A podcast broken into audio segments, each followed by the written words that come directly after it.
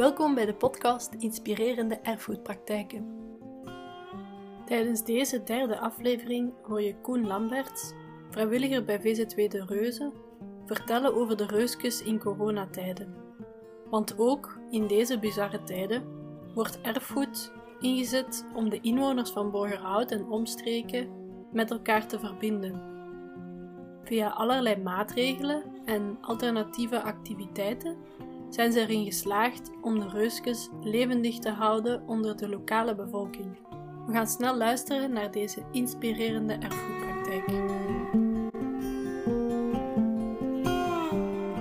Zou je misschien kunnen beginnen met jezelf en jullie stoet aan ons voor te stellen?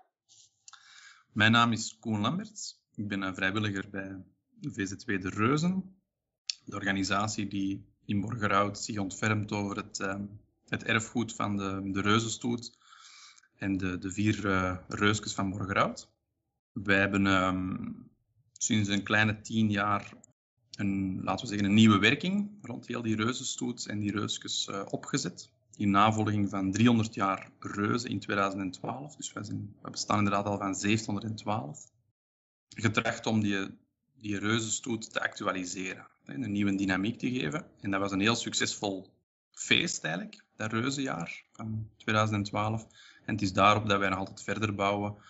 Um, door um, ja, een, een, een, scholenwerking op te zetten, nieuwe reuzen te laten maken. En um, dat, dat verhaal, dat erfgoed, met zoveel mogelijk mensen eigenlijk proberen te verbinden. In toch een grootstedelijke context. En kun je me iets meer vertellen over die, over die reuzen, wie dat, dat zijn? De, de vier reusjes van Borgerhout zijn eigenlijk uh, dwergreuzen.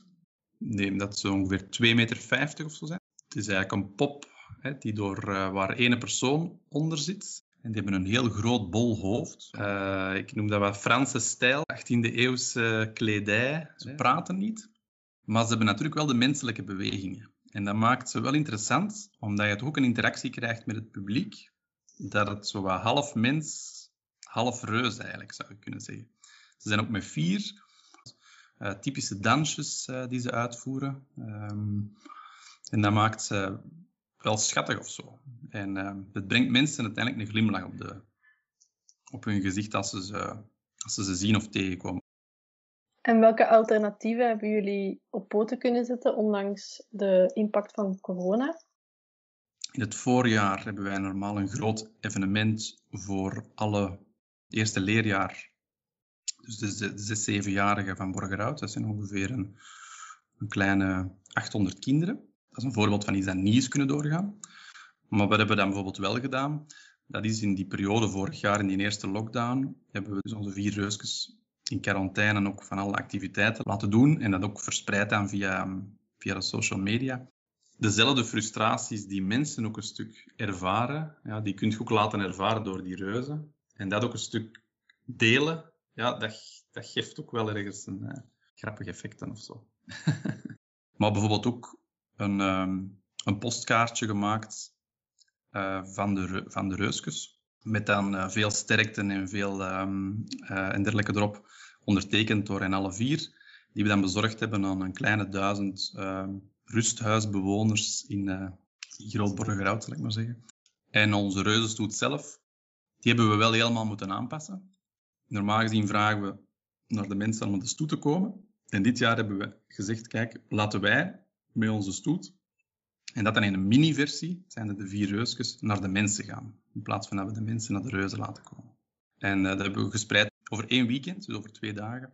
Hebben we een ander parcours afgelegd en ze hebben dus op heel veel verschillende pleintjes en straten gepasseerd. Met enkel de vier reusjes en alle aangepaste maatregelen natuurlijk ook wel. We hebben op voorhand wel ook in alle scholen een pakketje afgegeven met een, een individueel trekpopje dat ze konden uitknippen en konden inkleuren en dergelijke meer. De beleving was gewoon alleen uh, helemaal anders. Van het uitbundige in normale omstandigheden naar het meer intieme uh, in, deze vers, in deze editie. Wat waren dan aanvullende maatregelen waar je rekening mee moet houden? Dus sowieso elk jaar, voor elk evenement dat we organiseren, dienen we een aanvraag te doen bij, de, bij de stad, de evenementencel. Wij hebben ook zelf een externe veiligheidsorganisatie onder de arm genomen, die dus ervaring heeft met het organiseren van grote publieke evenementen. En wij hebben tenslotte ook het COVID-riskmodel van de Vlaamse overheid uh, gebruikt. Waar je dus van alle scenario's eigenlijk kunt, uh, kunt gaan uitdenken. En dat dus een kleurcode eigenlijk geeft van groen, geel, rood. En wij hebben ja, heel vaak met hen gesproken, ons alles toegelicht hoe dat we dat zouden gaan aanpakken en doen. Want we waren het, ja, een van de eerste evenementen die het plaatsgevonden. Dus in eerste instantie waren ze toch wel wat weigerachtig. Maar door het feit dat we natuurlijk klein waren in de buitenlucht, ons constant voortbewogen en ook geen grote massa's uh, hebben bijeengebracht, is te zeggen, iedereen moest eigenlijk, dat was toch de bedoeling van op, dus van zijn stoep of vanuit zijn kot eigenlijk naar de voorbijrijdende uh, reusjes uh, te kijken. Ze hebben daar toch met heel die ja, stevige regelgeving, ze hebben daar toch ingepast eigenlijk, op een bepaalde manier. Hè. Daarnaast uiteraard ook bij onszelf uh, iedereen mondmasker een ganse dag. En nu, nu lijkt dat gewoon, maar toen, zes maanden geleden, was dat nog niet zo'n evidentie. En ze hebben er toch doorgefietst en hebben we er ook wel heel veel positieve feedback van gekregen. Dat was wel fijn. En wat zijn dan de positieve kanten aan deze corona-editie? Waar ik spontaan aan denk is uh, twee zaken. Dat is één, um, de focus en de aandacht die eigenlijk onze vier reusjes gekregen hebben. In normale omstandigheden zijn zij maar, laten we zeggen, deel van een groter geheel. Wel een heel belangrijk, of misschien wel het belangrijkste deel, maar toch. Hè. Terwijl deze editie hebben zij alle aandacht gekregen. En dat gaf eigenlijk toch wel ja, ergens een extra dimensie. Dat is ook door veel van mensen geapprecieerd. En ik denk in tweede instantie, waar ik aan denk, is een soort van uh, ja, omdenken. Vanuit onze visie, vanuit de reuzen, hè, gebruiken wij dat erfgoed om, hè, om mensen bij elkaar te brengen, om verbinding te maken.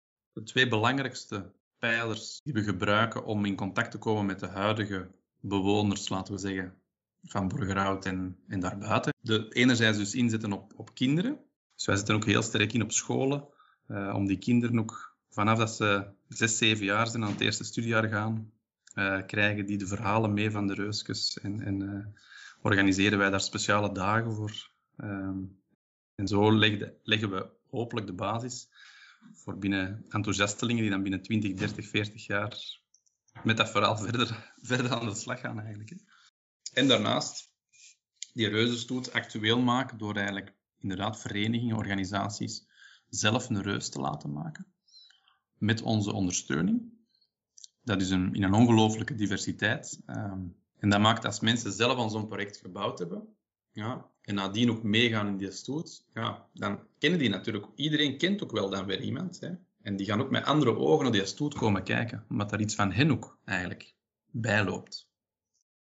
Dat is denk ik de, een beetje het, het aparte, laten we zeggen, van onze reuzenstoet.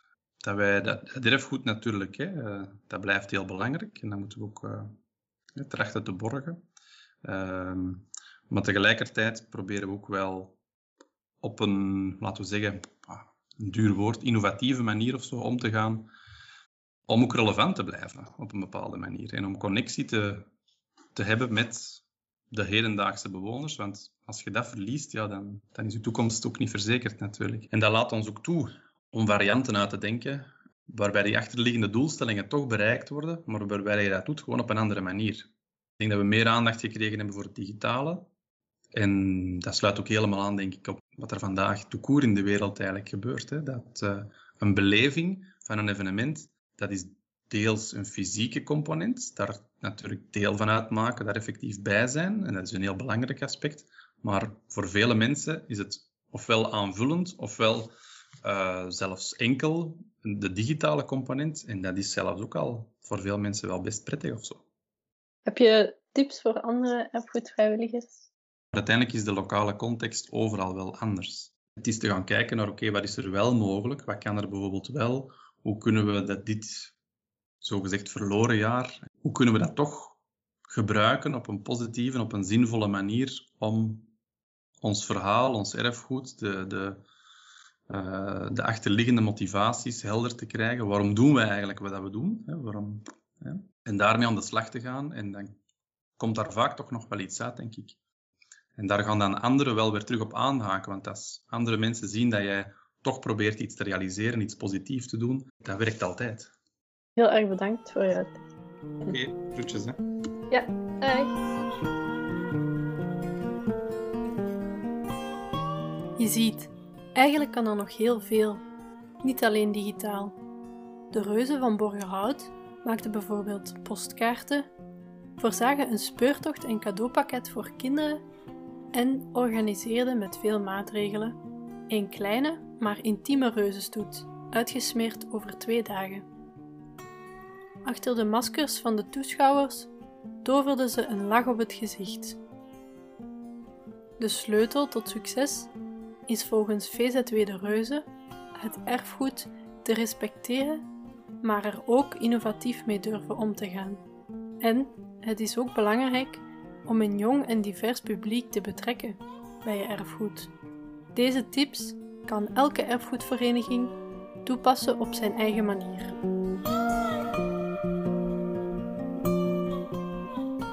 Heeft deze aflevering jou geïnspireerd om zelf creatief en innovatief aan de slag te gaan met je erfgoedorganisatie? Laat het ons vooral weten.